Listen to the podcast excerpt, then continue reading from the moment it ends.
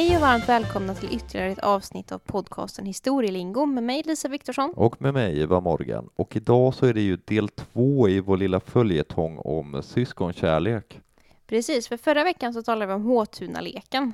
Mm. Och eh, vi kommer ju fortsätta där vi slutade förra veckan. Så att för att man ska få med sig tillräckligt mycket från det här avsnittet så rekommenderar vi att man lyssnar på förra veckans avsnitt Håtunaleken innan ni lyssnar färdigt på det här, så att säga.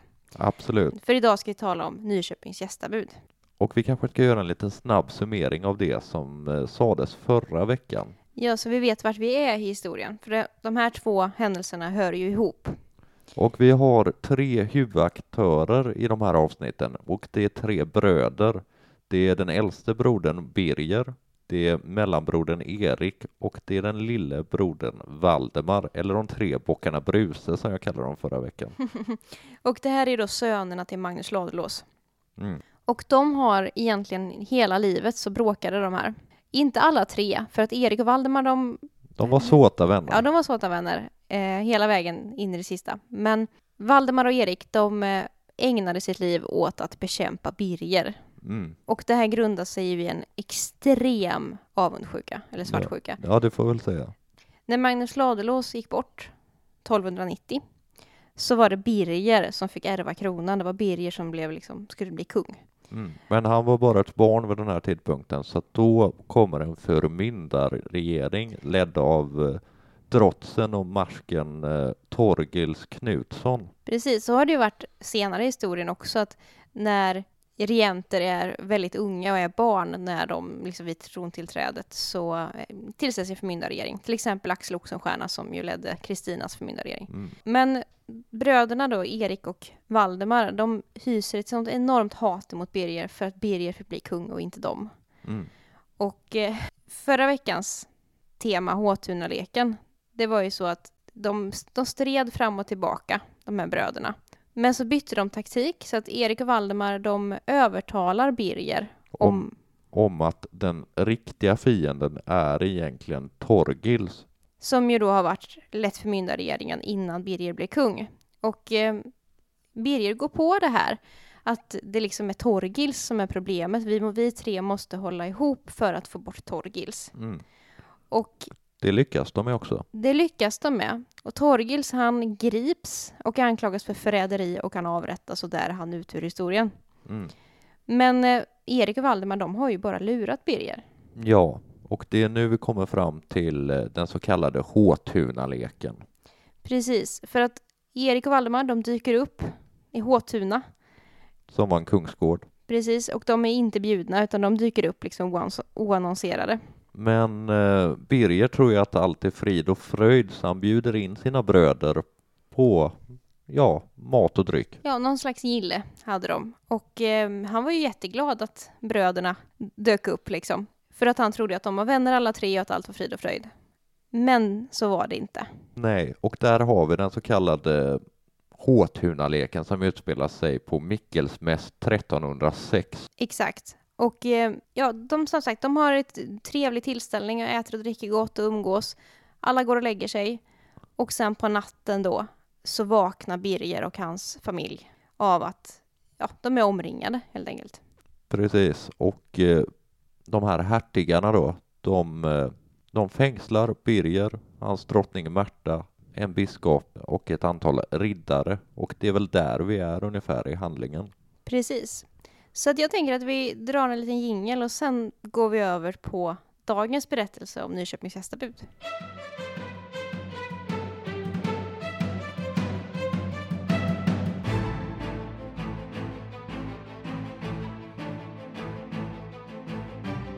Nu är alltså Birger fängslad och eh, vad gör man med en fängslad kung?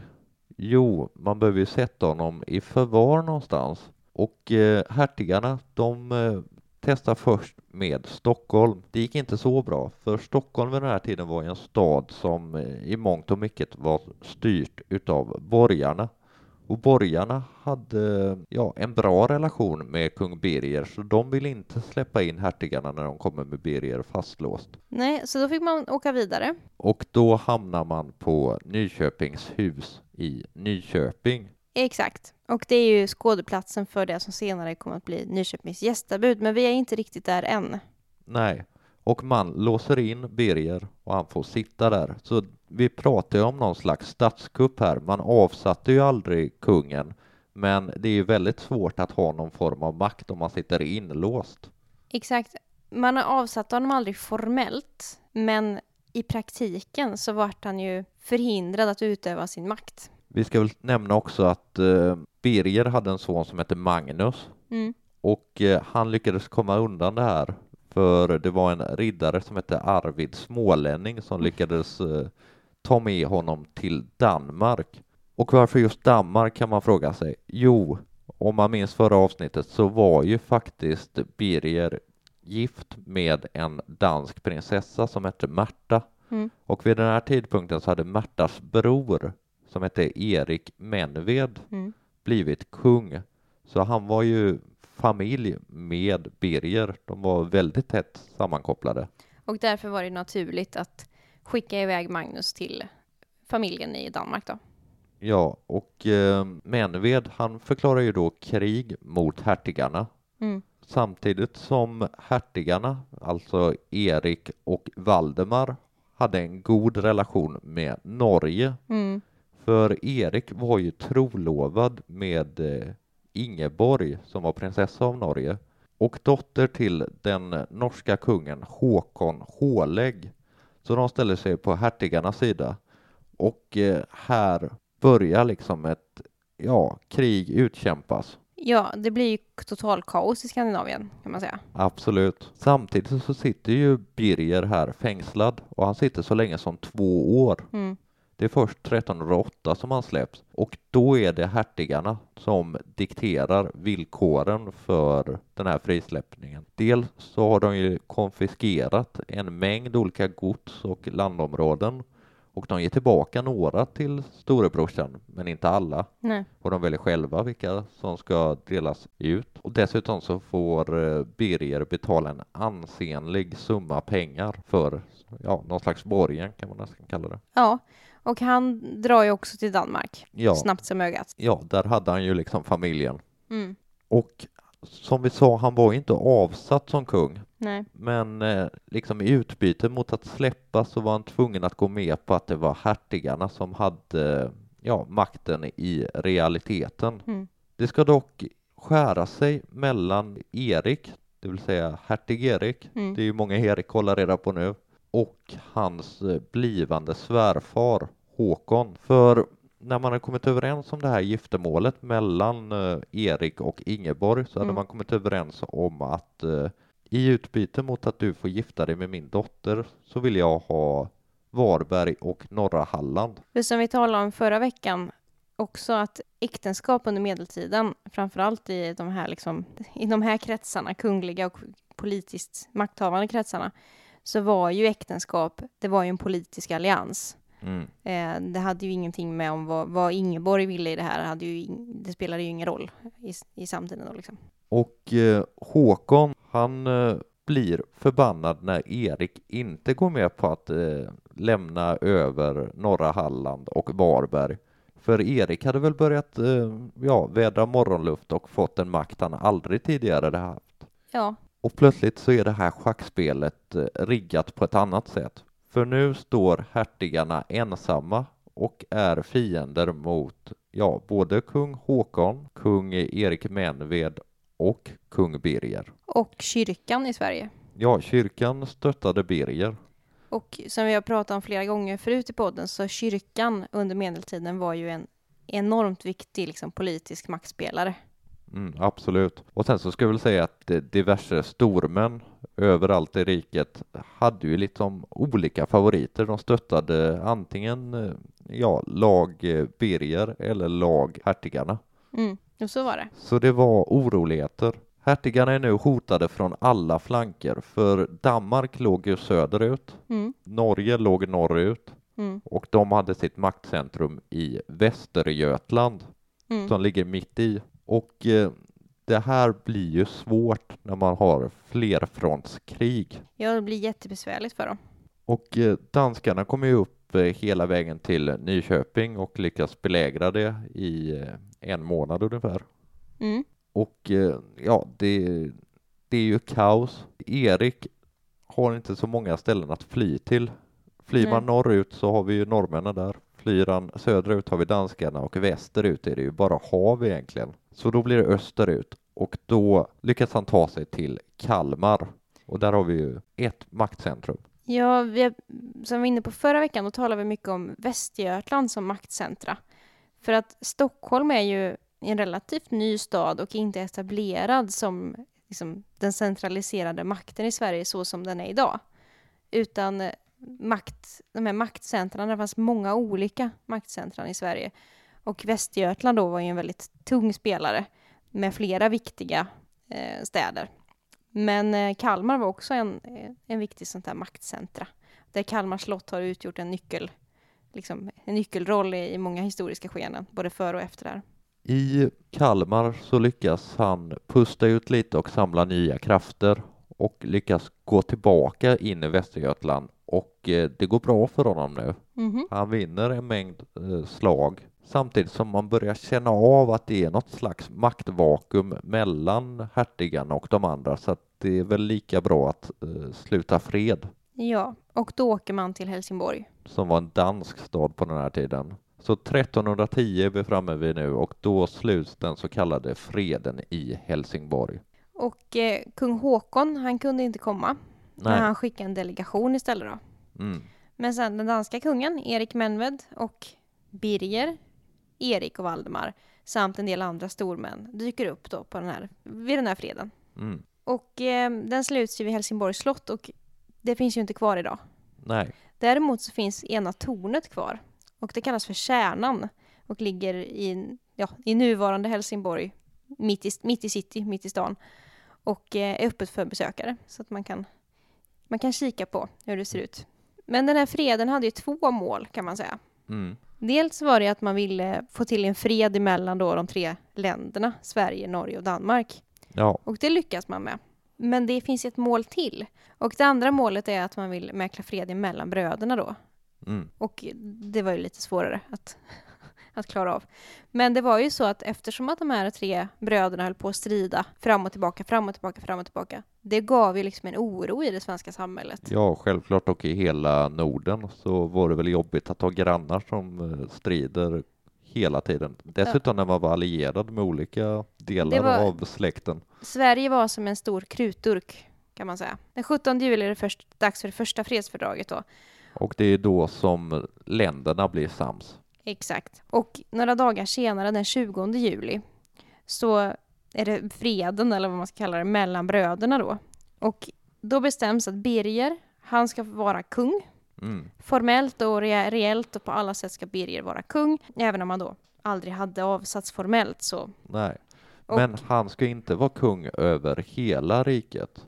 Nej, exakt, för att den andra punkten på det här fördraget, det är att Sverige ska liksom delas lika, delas broderligt, höll jag på att säga. Ja, det får man säga. eh, mellan de här tre bröderna. Och det man bestämmer då, Det är först, om vi tar Birger först, som blir kung.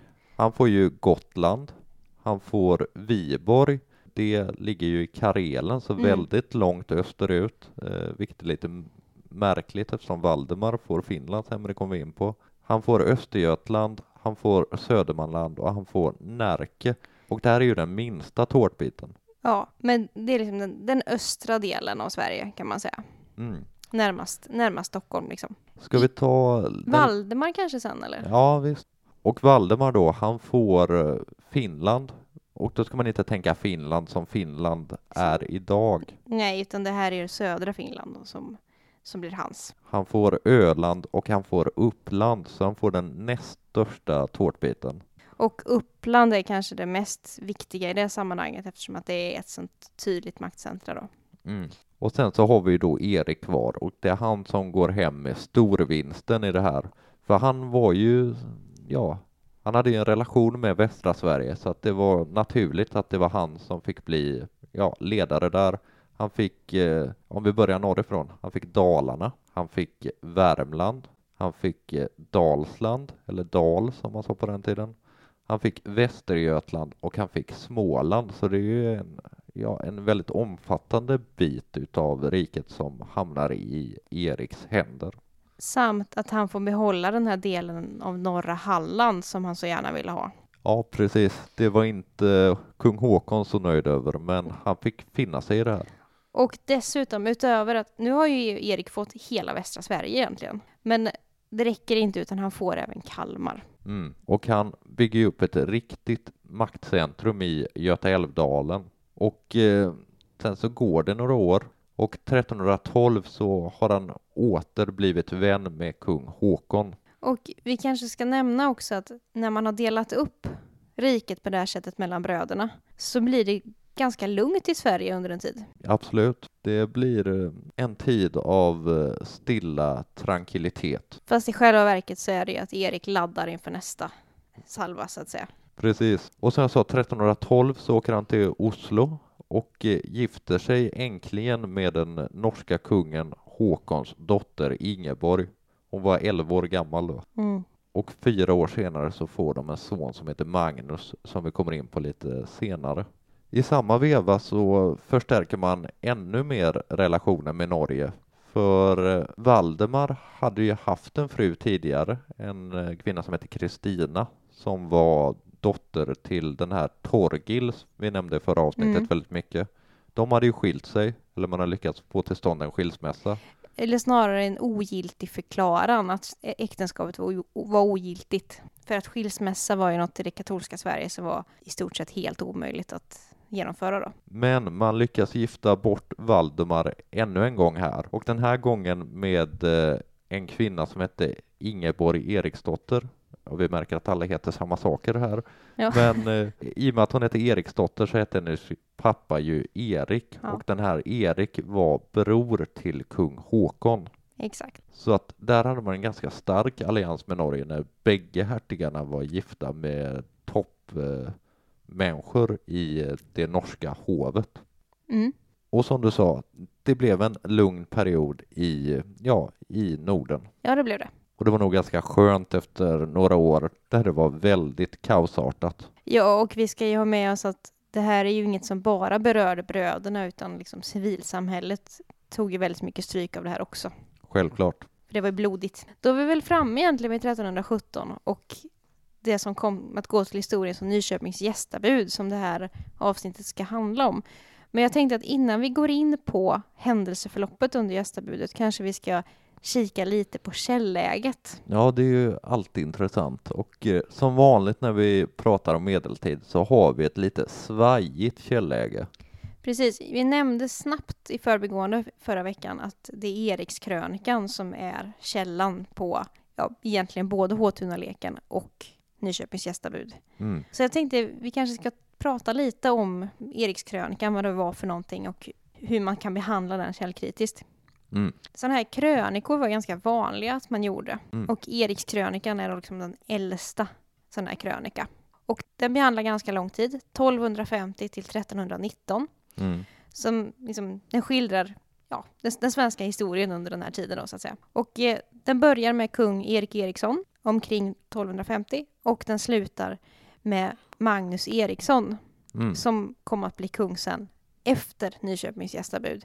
Och honom pratar vi ganska mycket om i avsnittet om heliga Birgitta, avsnitt nummer 10. Ja, det är ju han som instiftade det första fotbollslandslaget i Sverige. Magnus Erikssons landslag. Precis, han, han instiftar den första liksom, rikstäckande lagen. Innan dess har man ju haft landskapslagarna Mm. och eh, det kunde ju vara lite administrativt rörigt. Men Magnus Eriksson, som man hör på namnet Eriksson, han är ju då son till hertig Erik. Det vill säga den Erik som vi pratar om i det här avsnittet. Precis. Och Erikskrönikan då, den är som sagt äldst av de här medeltida krönikorna. Och den kallas ibland för den första liksom historieberättande, alltså narrativt berättande historieskildringen Mm. av svensk historia. För att den är liksom skriven till en tilltänkt läsare Mm. liksom på, på ett ganska dramatiskt sätt. Och där har vi ett första källkritiskt problem. Självklart. För att hur mycket är skrivet för att göra det dramatiserat? Och hur mycket är rent historieberättande. Det är det första problemet vi stöter på här, att hur mycket är fiktion och hur mycket är verklighet. Om vi går lite djupare in i det så är det ju att det finns en hjälte i Erikskrönikan Mm. och det hör man ju på namnet då. Och det är ju hertig Erik. Mm. Alltså Birger och Valdemars bror Erik. Och eh, hela den här krönikan är ju byggd som en hjältesaga över Erik. Mm. Och där har vi ju ytterligare ett källkritiskt problem, att det rör sig om mycket propaganda. Självklart. Frågan är hur mycket propaganda. Och eh, det blir väldigt, det är väldigt vinklat till Eriks fördel. Och han beskrivs verkligen som en riddare och det här riddaridealet Mm. som var stort på medeltiden är, är väldigt tydligt i Erikskrönikan. Och det här är ju ett jättestort källkritiskt problem Mm. naturligtvis, för det, så är det ju alltid när man håller på med propaganda eller väldigt vinklad historieskrivning, så är det ett problem källkritiskt. Sen är det också syftet med krönikan, alltså varför har man skrivit den här krönikan? Och det kan vi ju inte med säkerhet veta, Nej. men förmodligen så är den här uppdiktad till kung Magnus Eriksson. Ja. För han blir kung när han är tre år gammal. Mm. Men eh, man gjorde, förmodligen gjorde man Erikskrönikan för att liksom lyfta Magnus eller öka liksom statusen på Magnus genom att hylla hans far. Mm. Precis, Erik då. Så att ni hör ju, det här är ett väldigt svajigt källmaterial vi har att jobba med. Ytterligare ett problem, det är när det är nedskrivet. Mm. För det är ju inte nedskrivet i samtiden. Nej. Och eh, det finns heller ingen klar upphovsman. Man vet inte vem som har skrivit Erikskrönikan och man vet inte när den är skriven. En teori som är ganska vanlig, det är att den som skulle ha beställt Erikskrönikan skulle vara Birger Persson, det vill säga Heliga Birgittas far. Mm. Men det är ganska lös teori som vi nog aldrig får veta om det stämmer, men det, det finns en teori om det. Sen vet vi inte när den nedtecknades första gången. Det har blivit allmänt vedertaget att den första versionen ska varit skriven 1320-1330 ungefär. Ja, okej. Men originalet är ju borta sedan länge, så det vet vi inte heller med säkerhet. Den första upplagan som finns bevarad, alltså den äldsta upplagan som finns idag, den är från andra hälften av 1400-talet. Så ni hör ju, det här är väldigt långt efter Nyköpings gästabud. Ja, precis. Det, det är ju liksom eh, ja, 130 år efteråt ungefär. Och sen finns det olika versioner av den och det finns eh, liksom olika band av Erikskrönikan som är upptecknade mellan 1450 och en bit in på 1600-talet. Mm. Så att det är ett väldigt, väldigt, väldigt svajigt källmaterial. Ja, en annan sån här sak som är lite svajigt med den är ju att den är skriven på vers. Den är skriven på knittel Mm. och det är ganska jobbigt att läsa.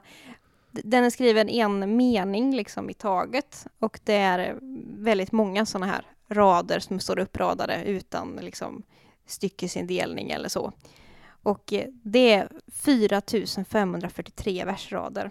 Det är ganska många. Jag har inte tagit i mig igenom alla versraderna, men en stor del av dem och eh, man kan få huvudvärk för mindre.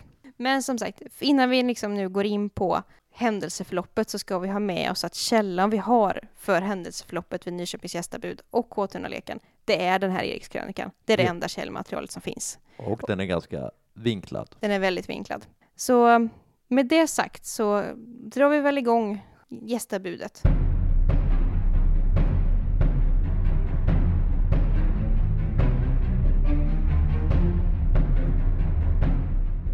Jag har då kommit fram till år 1317 och på höstkanten så är Valdemar, den yngste brodern, han är ute på vägarna Mm. och rör sig och passerar Nyköping och eh, ja, träffar Birger där och blir ganska förvånad. För Birger verkar ha lagt allt gammalt groll bakom sig och är ganska hjärtlig och så och trevlig och eh, han föreslår att eh, Valdemar och Erik ska komma dit på julfirande eller att dricka jul som man sa.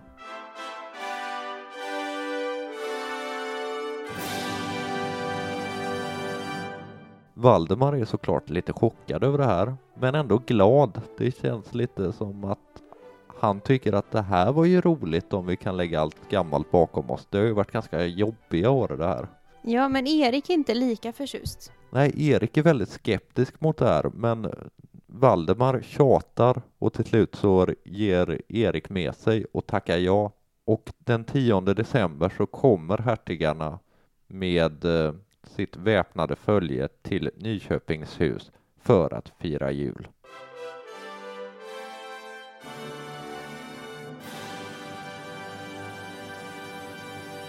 Precis. Och eh, som sagt, Valdemar i alla fall tror ju att det här rör sig om att nu, nu ska liksom familjen återförenas och nu ska vi trevligt julfirande här.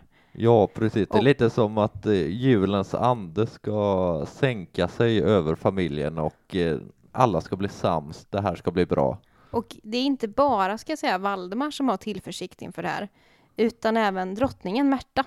Mm. Det beskrivs i Erikskrönikan att ingen hade någonsin sett drottningen så glad som just denna kväll. Nej, hon var jätteglad och eh, Birger verkar ganska glad han också när de kommer. För Mm. de bjuds in med öppna armar. De har något slags gille, återigen precis som eh, vid Håtuna för ja, 11 år tidigare. Och eh, de dricker och äter och har det allmänt trevligt. Dock så inackorderades det här väpnade följet hertigarna nu med sig inte på Nyköpingshus utan de eh, inackorderas i stan och då så säger Birger och Märta lite grann som ja, det goda värdparet att ja, det är mycket mer bekvämt om de bor i stan och eh, ni måste ju bo ståndsmässigt ni som är hertigar så ni får bo här hos oss på slottet. Ja, för att det skulle liksom bli, bli mer plats och sådär ifall eh, ja, följet inte bodde på samma ställe. Och det köpte ju Erik Valdemar. Och de har den här festligheten och sen så kommer ju natten och de folk går och lägger sig lite rödmosiga kan man tänka sig. Dock så samlas ett gäng armborstskyttar under befäl av Birgers drotts som kallades Brunke Mm. och här liknar historien väldigt mycket det som hände 11 år tidigare vid Håtuna för hertigarna överrumplas av de här och eh, tillfångatas. Och det är nu de förs till Birger och han säger Minnes ider något av havtunna lek. Fullgörla minnes han mik. Denne är ej bättre än him. Det där var ju då från Erikskrönikan och det här är ju bevingade ord som har traderats mycket. Jag har själv lärt mig för länge sedan en något modernare version av det här och den låter så här. Minnes i Håtunaleken, den leken minnes mig väl. Denna lek skulle mig ej mindre lustigare vara. Precis. Kanske inte jättemodern svenska det heller, men eh, Eh, modernare än Erikskrönikan. Sen ska vi ju ha klart för oss att det är ju ingen som vet om de här orden ens har sagts. Det kan vara diktat i efterhand, det vet man inte. Valdemar och Erik, de fängslas på Nyköpingshus. mm, Och de, ja, det, det är hårda tag alltså. För att de sätts fast mot väggen med kedjor och de är, liksom, händerna är bundna och de sitter fastkedjade i väggen. och då får vi väl säga att när Birger hade suttit fängslad Mm. så var det inte alls så här hårt.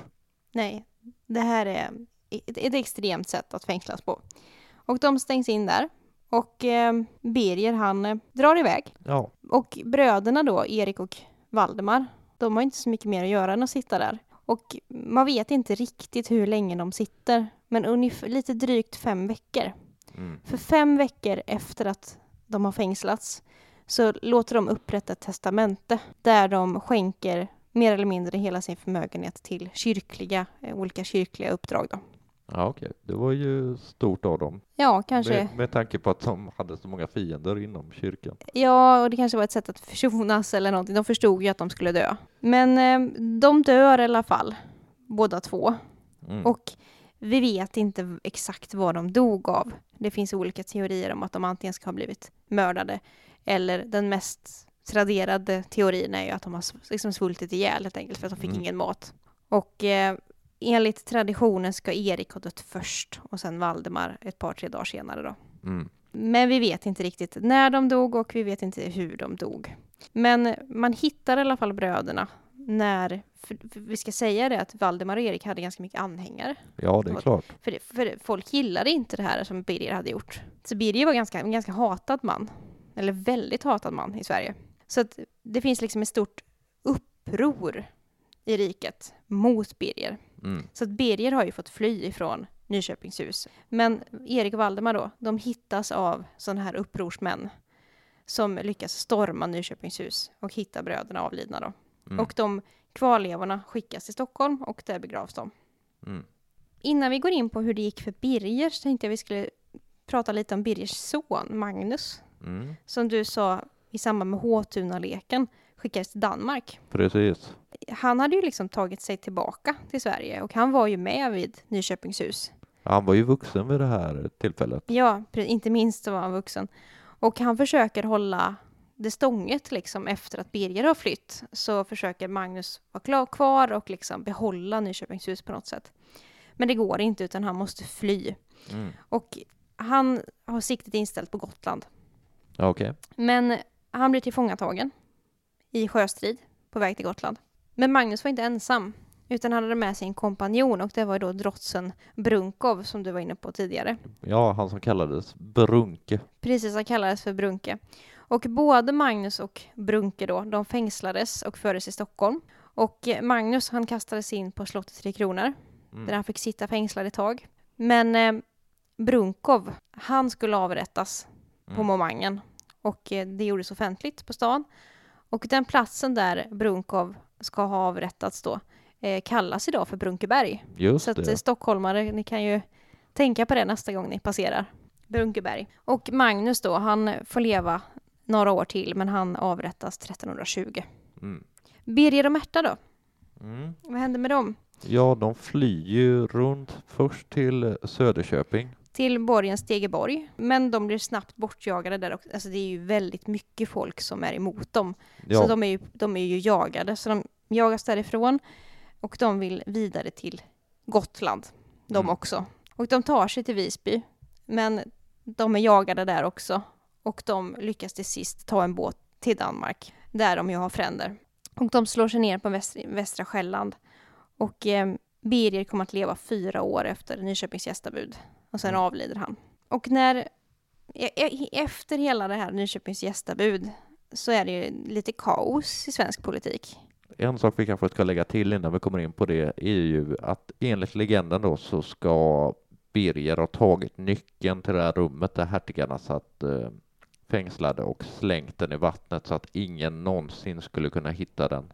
Precis, och det vet vi ju inte om det stämmer, men legenden säger så. Men som sagt, det är ett väldigt oroligt, liksom politiskt oroligt Sverige eftersom att Birger, han är ju, har ju gått i landsflykt och eh, Magnus och Erik är döda. Ja, Och- vad, vad ska man göra då? Jo, för att få stabilitet så måste man såklart utse ett barn till kung. Ja, precis. Och det blir Eriks son Magnus och han är bara tre år gammal när han väljs som kung vid Mora stenar. Mm. Och eh, det är inte bara svensk kung han blir. Han väljs 1319 till svensk kung. Och i samma veva, eller precis lite innan, så har han även blivit vald till kung i Norge. Mm. Eftersom att hans morfar då har gått bort och han får ärva kronan. Eh, även i Norge. Så han blir kung över både Sverige och Norge. Och ehm, som sagt, han var tre år gammal så att det var så man löste kaoset för att få stabilitet. Att sätta en treåring vid makten. Men det kanske var bättre än det som hade varit innan, vem vet? Vem vet? Han var väl kung en stund över Skåne också vill jag minnas. Mm. Lite längre fram. Och- Men det är en annan historia. Magnus Eriksson är ju en, en av de mer kända medeltida kungarna. Han var ju Mm. kung väldigt länge och det var han som hade sina liksom, duster med heliga Birgitta till exempel. Ja, just det. Och gifte sig ju sen som vuxen med Blanka av Namur och så. Ja. Men det är en helt annan historia. Vill man veta mer om det så kan man lyssna på avsnitt 10 där han diskuteras ganska ingående. Ja, i avsnittet om heliga Birgitta. Men ska vi försöka knyta ihop det här Nyköpings gästabud? Absolut. Det här är ju två väldigt fascinerande episoder som har gått igenom de här två veckorna i svensk historia.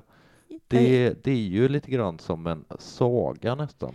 Jag vet att Vilhelm Moberg till exempel har jämfört eh, Håtunaleken och Nyköpings gästabud med eh, en Shakespeare-pjäs. Ja, det kan jag tänka mig. Det, det finns vissa likheter där.